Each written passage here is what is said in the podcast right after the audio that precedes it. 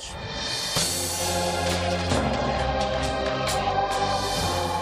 Un dels grans moments de postveritat de la història d'aquest país és la mort del rei Martí l'Humà.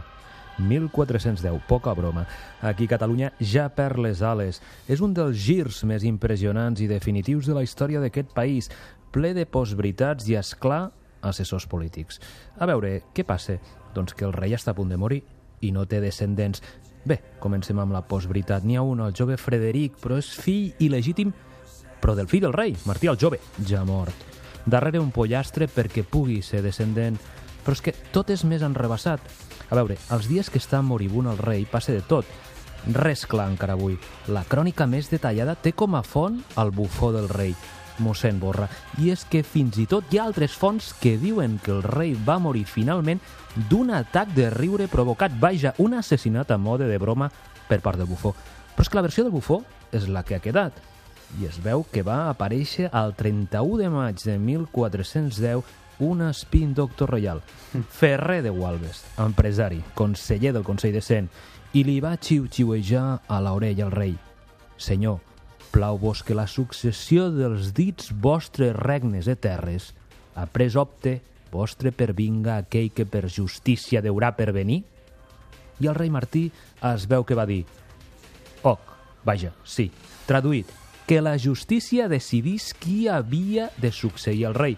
Però clar, la pregunta estava formulada d'una manera diabòlicament neutra, ja que buscava que el rei no digués cap nom. I clar, el successor més directe i familiar era Jaume d'Urgell, comte d'Urgell. I clar, Ferrer de Gualbes era contrari a ell. I clar, al final tot va anar a petar a l'estat del nacionaljudicialisme, al compromís de Casp.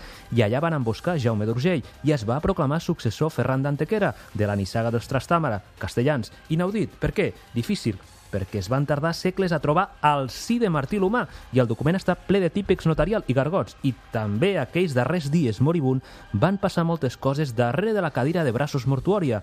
Molts es van repartir el futur i clar, també n'hi ha que diuen que la mare de Jaume d'Urgell, Margarida de Montferrat, que era la bomba, va enverinar el rei i clar, també es diu que segles i segles de postveritat. La única veritat és que Martí l'Humà va ser enterrat a la seu de Barcelona 50 anys després, les seves despulles es van traslladar al monestir de Poblet.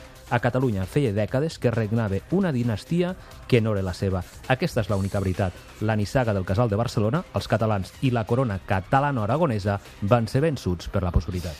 Fixa't, i, i escolta, una història que riu tant de Joc de Trons, a més, eh? Home. Com sempre, una història molt interessant. Gràcies, Francesc Canosa, i ens retrobem d'aquí no res.